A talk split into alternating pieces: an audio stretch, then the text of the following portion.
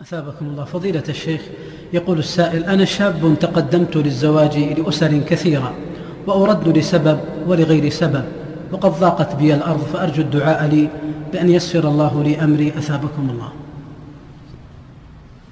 فقط الدعاء؟ ما هي مشكلة. نقول اللهم يسر أمور المسلمين.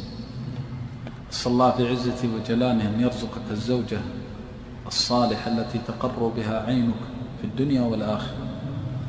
زوجة تخاف الله فيك وتتقيه وأن يرزقك الذرية الصالحة التي تقر بها الأعين. وأخي في الله لا تتأثر بهذا. قد تطلب الزوجة وقد تطلب الوظيفة وقد تطلب السيارة وقد تطلب الأرض والعمارة فيصرفك العليم الحكيم لعلمه وحكمته. والله يعلم وأنتم لا تعلمون. وقد ترغب المرأة ووراءها البلاء ووراءها الشقاء. قد ترى المرأة كأحسن ما أنت راء من جمال ولكن ذريتها لا خير فيها. وقد ترى المرأة فتعجبك فيكون بلاؤها وشقاؤها عليك إن طمعت فيها وحصلت عليها. فالله يصرفك عن الشر والبلاء من حيث لا تعلم من حيث تعلم ومن حيث لا تعلم. فأحسن الظن بالله. وكان الأخيار يتفاءلون كثيرا إذا أرادوا خيرا من الدنيا فصعب عليهم. لأن غالبا عوض الله وحسن الخلف ما يأتي إلا إذا تعب الإنسان. يبحث عن وظيفة يبحث يبحث حتى يقول تضيق عليه الأرض بما رحبت. ولكن الله يوسعه. وقد يأتي الفرج من حيث تحتسب من حيث لا تحتسب. يبحث الشخص عن امرأة فيتعب ويكدح ويأخذ هذه ثم يعتذرون ويعرض نفسه على هؤلاء فيمتنعون. ثم يأتي من يعرض عليه زوجة صالحة خيرة دينة مبارك فيها مبارك في نفسها وذريتها. فأحسن الظن بالله وإياك أن تعجز. أخي في الله أمور الدنيا سهلة. الأهم أمور الآخرة. أما أمور الدنيا كلها سهلة. وفي الدعاء المأثور ولا تجعل الدنيا أكبر همنا. إذا بحثت عن الوظيفة ولم تجدها إذا بحثت عن الزوجة ولم تجدها إذا بحثت عن السيارة عن الأمور الدنيا لا تجعلها أكبر همك ولا تقل ضاقت علي. بعضهم يقول والله ما أعرف كيف أصلي ولا لا تجعل هذا الهم غاية وهدفا وتصبح تدور حول هذا الهدف.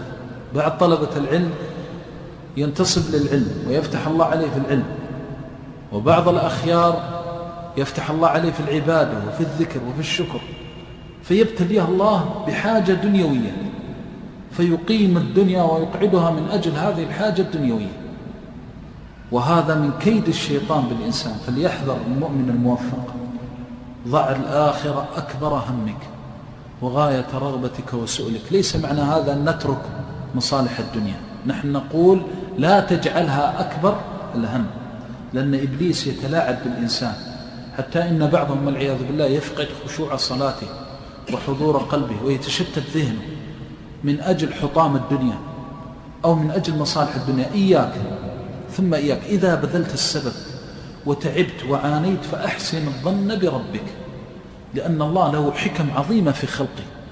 من الناس من سهل الله عليه الدنيا فحمدها وشكر وشكرها وأحسن فيها وأطاع ربه واتقى وذلك فضل الله يؤتيه من يشاء. ومنهم من نكد الله عليه الدنيا فجعل نكدها راحة له في دينه وسعادة له في طاعته واستقامته. قل أن تجد بلاء يأتيك في الدنيا فتحتسبه إلا جعل الله لك به خير الدين والدنيا والآخرة. احتسب لكن إياك أن تجعل للشيطان عليك سبيلا.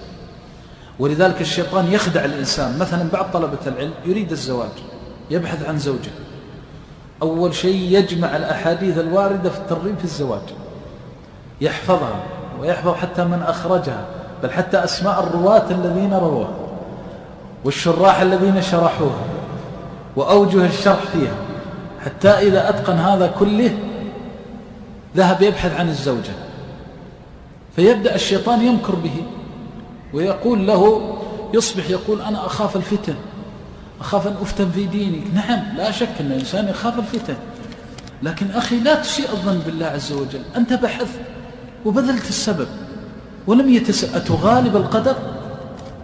ما لك في هذه الحالة إلا الصبر. إذا وجدت الشيء من أمور الدنيا يعجزك إياك أن يتلاعب بك الشيطان. البعض يجلس مثلا يبحث عن زوجة شهرا من من يجلس سنة يقيم الدنيا ويقعدها والشيطان يعبث به.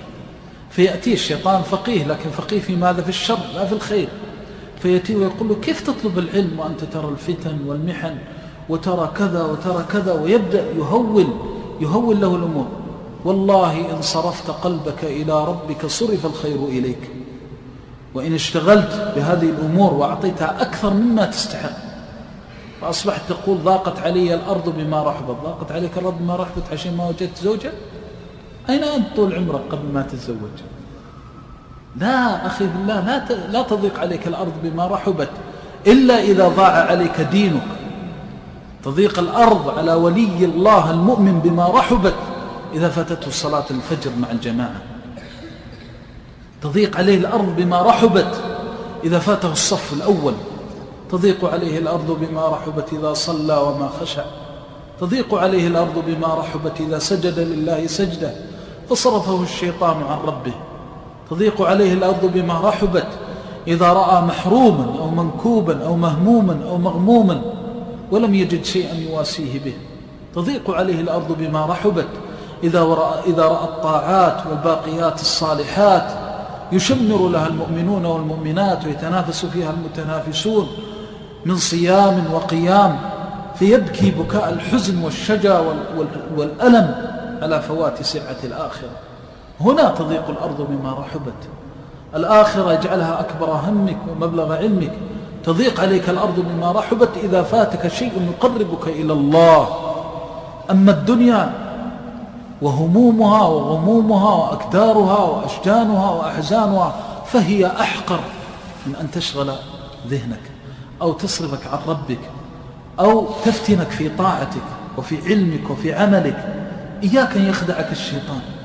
لا تضيق عليك الأرض بما رحبت بأمور من الفتن والملهيات والمغريات أبدا. بل عليك أن تكون قوي الشكيمة صادق العزيمة محسن الظن بالله وأسأل الله بعزته وجلاله وعظمته وكماله لنا ولك وللمسلمين ولنا أجمعين ألا يصرفنا عن أمر إلا جعل ذلك الصرف خيرا لنا في ديننا ودنيانا وآخرتنا. وعاجل أمورنا وآجلها اللهم اغفر لنا واختار لنا ورضنا بما اخترت لنا. وارزقنا إله الأولين والآخرين الرضا بعد القضاء وبرد العيش بعد الموت ولذة النظر إلى وجهك والشوق إلى لقائك. اللهم لا تجعل الدنيا أكبر همنا. اللهم لا تجعل الدنيا أكبر همنا. اللهم لا تجعل الدنيا أكبر همنا. اللهم اجعل أشجاننا وأحزاننا فيما يرضيك عنا. أخي في الله أصدق مع الله فإن الله يصدق. وهذه قاعدة عامة. أسعد الناس في الدنيا من إذا بذل الأسباب لم يخب ظنه في رب الأرباب. كن مطمئنا بالله إن الله يحب المؤمن القوي ومن قوة الإيمان أن المؤمن لا تنكسر عزيمته في أمر الدنيا. أبدا تكون عزيمتك صادقة وظنك بالله حسن. يجري في قلب العبد أنه يحب رب ربه وأنه واثق بالله. ولربما سمع في ذكر أو مجلس ذكر أو جمعة أو خطبة حسن الظن بالله فأحب أن يكون محسن الظن بالله فيسلط الله عليه بلاء يختبر فيه بحسن الظن بالله. فيبحث عن وظيفة فتؤخر عنه يبحث عن ترقية فتؤخر عنه يطلب أبواب الرزق فتقفل في وجهه يبحث عن أسباب فتتعسر عليه لكي يختبر فيما جرى في قلبه أنه يحسن الظن بالله. ما كان الله ليذر المؤمنين على ما أنتم عليه حتى يميز الخبيث من الطيب وما كان الله ليطلعكم على الغيب. هذه كلها امتحانات ومن عاش في الدنيا يحس أنه يتقلب من امتحان من امتحان ومن بلاء إلى بلاء عرف طريقه إلى الله جل جلاله إن وفقه وسدده فكن على علم وبصيرة تحفظ وتسدد وتعان. اللهم إنا نسألك علما يقربنا إليك اللهم لا تجعل الدنيا أكبر همنا ولا مبلغ علمنا ولا غاية رغبتنا وسؤلنا. اللهم إنا نشكو إليك ضعف قوتنا وقلة حيلتنا. اللهم ارزقنا وأنت خير الرازقين. وافتح علينا أبواب فضلك يا خير الفاتحين. اللهم افتح علينا أبواب الفضل في الدنيا والدين. وارزقنا محبتك ومرضاتك يا أرحم الراحمين. اللهم اجعلنا ممن أراد الخير فوفقته وسددته وأعنته. اللهم لا تجعلنا ممن أراد الشر. اللهم لا تجعلنا ممن أراد شرا والتمسه اللهم اصرفنا عن الشر وأهله وطرقه وأسبابه. ولا تجعل للشيطان علينا به سبيلا. اللهم عصمنا بعصمتك. اللهم اعصمنا بعصمتك حتى نلقاك يوم نلقاك وأنت راض عنا. ربنا لا تزغ قلوبنا بعد إذ هديتنا. وهب لنا من لدنك رحمة إنك أنت الوهاب. نسألك الزهد في الدنيا على الوجه الذي يرضيك عنا. والطمع في الآخرة على الوجه الذي يقربنا منك ويوجب محبتنا لك. يا أرحم الراحمين. سبحان ربك رب العزة عما يصفون. وسلام على المرسلين والحمد لله رب العالمين. وأستأذنكم لأن درس الفجر إن شاء الله غدا. غدا ستبدأ الدورة بإذن الله في المسجد